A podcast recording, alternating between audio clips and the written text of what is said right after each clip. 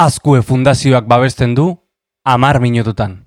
Orokorrean gaur egun denok jotzen dugu internetera ikasteko egiesateko. Nork ez du kontsultatu errezeta bat adibidez bizkotxoa nola egiten den jakiteko, ez? Edo etxean ondatu zaigun edo zer konpontzeko. Ba, irakasleok ere askotan arakatzen dugu sarea, lantzen ari garen gaiaren inguruko informazioa bilatzeko edo baliabideak, baina askotan ez dakigu topatzen dugun hori erabil dezakegun. Ze kontuan izan behar da, eskuragarri dagoen oro, interneten hor dagoen guztia, ez dela irekia edo agian baldintza jakin batzuetan baino ezin dela erabili. Ba, ari horretatik tira eginez, gaur, hezkuntza baliabide irekiei buruz hitz egin behar dugu. Zer diren eta non topa ditzakegun.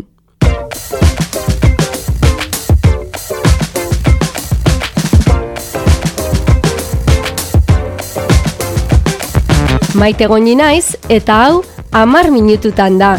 Hezkuntza eta teknologia, hau da, teknopedagogia, lantzen duen podcasta.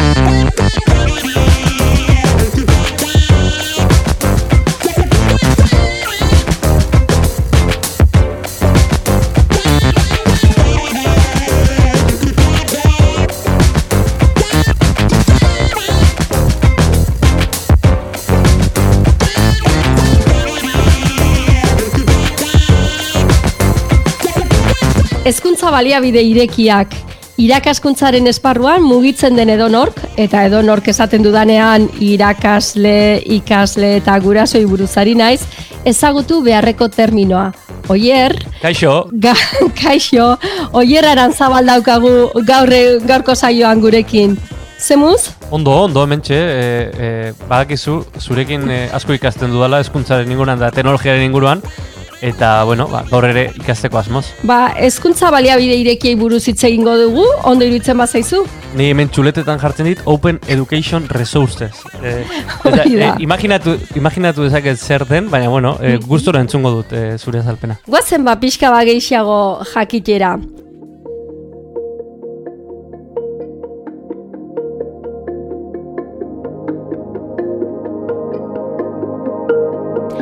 Hezkuntza baliabide irekiak, OR, zuk esan duzun bezala, Open Educational Resources edo Recursos Educativos Abiertos, REA baita, eh? E, ez, esan nahi dut ezagunak direlako termino horiek, eta azken finean dira material didaktiko digitalizatuak, libreak eta irekiak. Eta horrek ze esan nahi du, ba, lizentzia libreak dituzten materialak direla, hau da, edo domeinu publikoan daudela, edo mm, Creative Commons lizentzitako baten pean argitaratuetakoak direla, eta hoiekin guk egin dezakegula, ba, ez bakarrik erabili edo ikusi baizik e, jaitsi, berrerabili, moldatu eta gero banatu. Ba, hori oso importantea eta oso garrantzitsua da irakasleontzat, ze e, beti etengabe saiatzen gara hobetzen gure kurrikulumariekin edo gure kurrikulumari lotutako ba, materialak eta edukiak. Mhm. E, nik galdetu harren zuen da bakizun ere galdera beti inosoak direla, e, barkatuko didazu.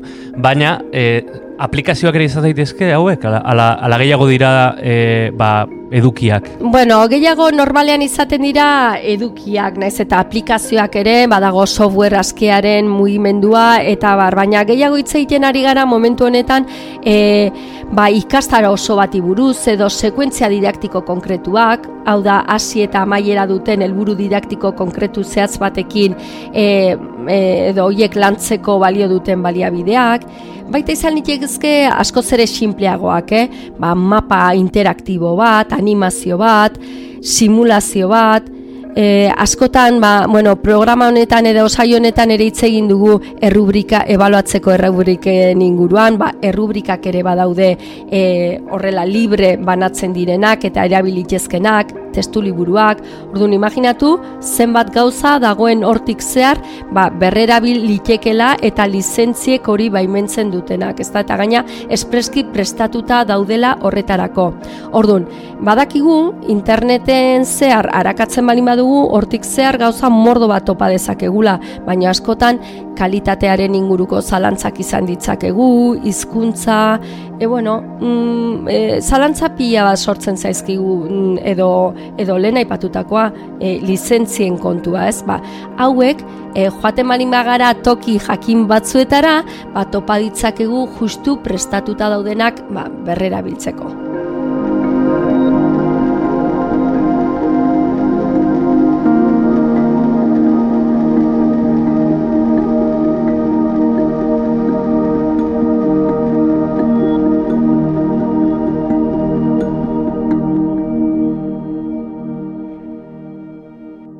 Tira maite jartzen naiz irakaslearen azalean eta galetu behar dizut. Non topatu daitezke eh, hezkuntzarako baliabide ireki hauek? Bai, hori da, e, baliabide ireki hauek e, adibidez, ba, esan dugun bezala edozein, e, edozen bilatzaietara joan da eta iragazia eginda, ze ematen dute aukera ba, libreak diren baliabideak topatzeko, ba, posible da, baina asko zer errixago e, jarriko dugu. E, bilatzaile espezializatu batzuk daude, justu honetarako komentatzen izun bezala ez, eta horietako bat da OER Commons. Eta hori oso ezaguna da hezkuntza munduan. Eta mundu mailan e, asko esango nuke komunitate oso bat dala, bertan baliabideak ba, egin litezke gauza asko. Adibidez bilatu, besterik gabe, ingeles ez daude gehienak, baina baita balio du izena eman eta komunitatean parte edo komunitatean alta emateko eta partekatzeko baliabideak sortzeko, igotzeko gure materialak, ordun, e, norabide bikoa egoten da horrelako biltegietan. Alde batetik ematen dute aukera, ba, edo nork erabiltzeko modu librean eta bargesteko, eta beste alde batetik ematen dute aukera, ba, guk geuk gure materialak bertara igotzeko. Ordun bata, lehenengo geldi unea edo izango litzateke, OR OER Commons horretara sartu eta arakatzea. Zaten dizuet maila guztietarako baliabideak daude. Eta hildo horretatik badago beste toki bat oso ezagune dena, e, Kan Academy. Eta hauek, e, eta hemen e, daude ba, matematika lantzeko mm, bideo mordo bat, e, proposamen didaktikoak zehatzagoak dira, osea, nahiko zehatzak bideoen inguruan, eta matematikako programazio guztia. Eta orain joan dira baita, ba, gehitzen beste e, irakasgai batzuetako materialak, baino batez ere ezaguna da Kan Academy etopa ditzakegulako matematikarako matematika lantzeko baliabideak. Ta gero badaude beste batzuk, ez dago gehiago nastuko, baina badago beste bat oso ezagune dena Merlot.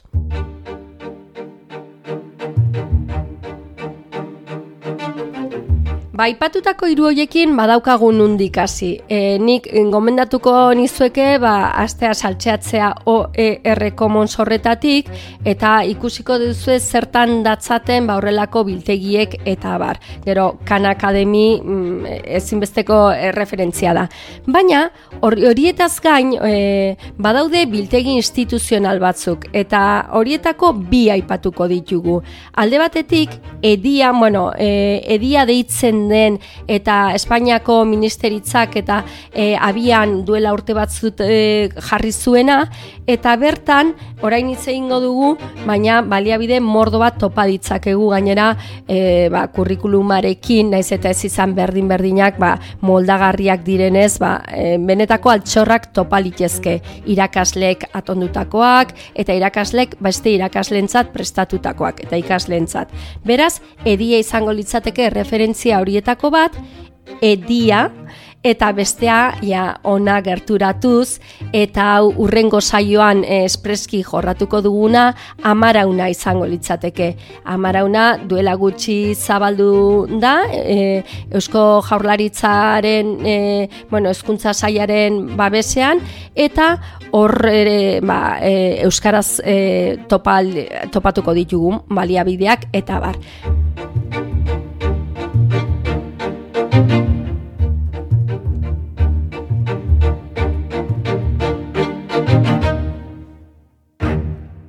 Tira, esan duzu, eh, amara unari saio bat dedikatuko digula, merezi duela saio bat, eta galetu behar nizun, edia hori, zer da? E, bueno, elburua ediarena oso garbia da, ez? Kuntza komunitate osoaren eskura jartzea, ba, sarbide libreko material eta baliabide digitalak, ba, justu, hitz egiten ari garen hori, ez?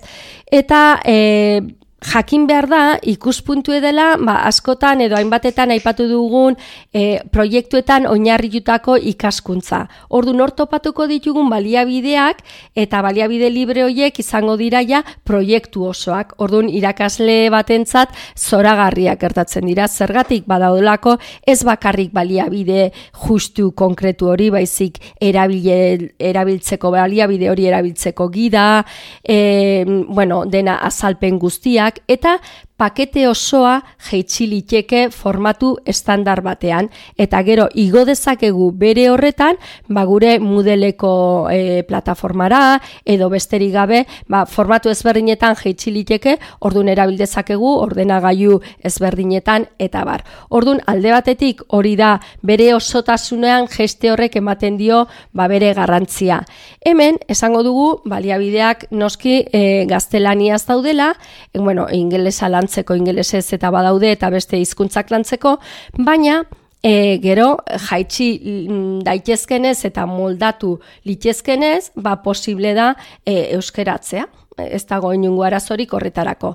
Eta materialak banatzen dira, e, sartzen barin bagara ediaren webgunean, e, elbidea da cedec.intef.es barra recursos, bueno, ipiniko dugu e, bueno, e, podcastarekin batera elbidea, ba, elbide horretara sartuz, edia topatzen bali madugu, ikusiko ditugu, topatuko ditugula ba, e, baliabideak, ba, lehen ezkuntzarako, bigarren ezkuntzarako, eta baita lanbide eziketarako. Eta gero badaude bestelako baliabide batzuk. Mhm. Eta e, topatuko ditugu, etapaka sailkatuta, gaika sailkatuta, eta bene honetan e, merezi du begitxo bat botatzea.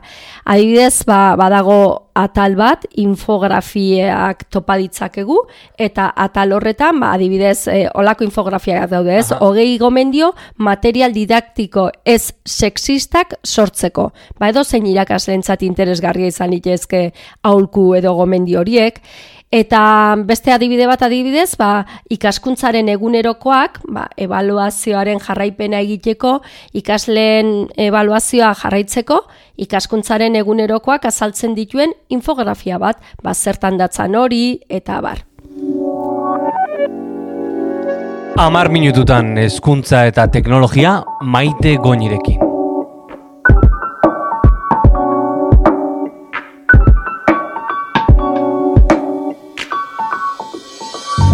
Eta infografiez gain, e, sekuentzia didaktikoak ere, ere badaude, ezta? Horixe da, bai, e, beste atal batean, ba, sekuentzia didaktikoak topatuko ditugu edo proiektuak, adibidez, ba, ekonomia lantzeko, edo beste edo zer gauza, ba, esterik ez da sartzea, hautatu ze ziklotarako edo zein mailatarako nahi den baliabide hori, eta ikusiko dugu ber e, olako aukera bat eta ordun ikus liteke zuzenean ba elbide hori estekatuta ikaslei emanda ba e, ikus dezakete material hori edo bestela jaitsi dezakegu Excel Learning bezala, bueno, formatu e, konkretu batean, ba gero gure ikastaroetara igotzeko. Hau da, berrera biltzeko.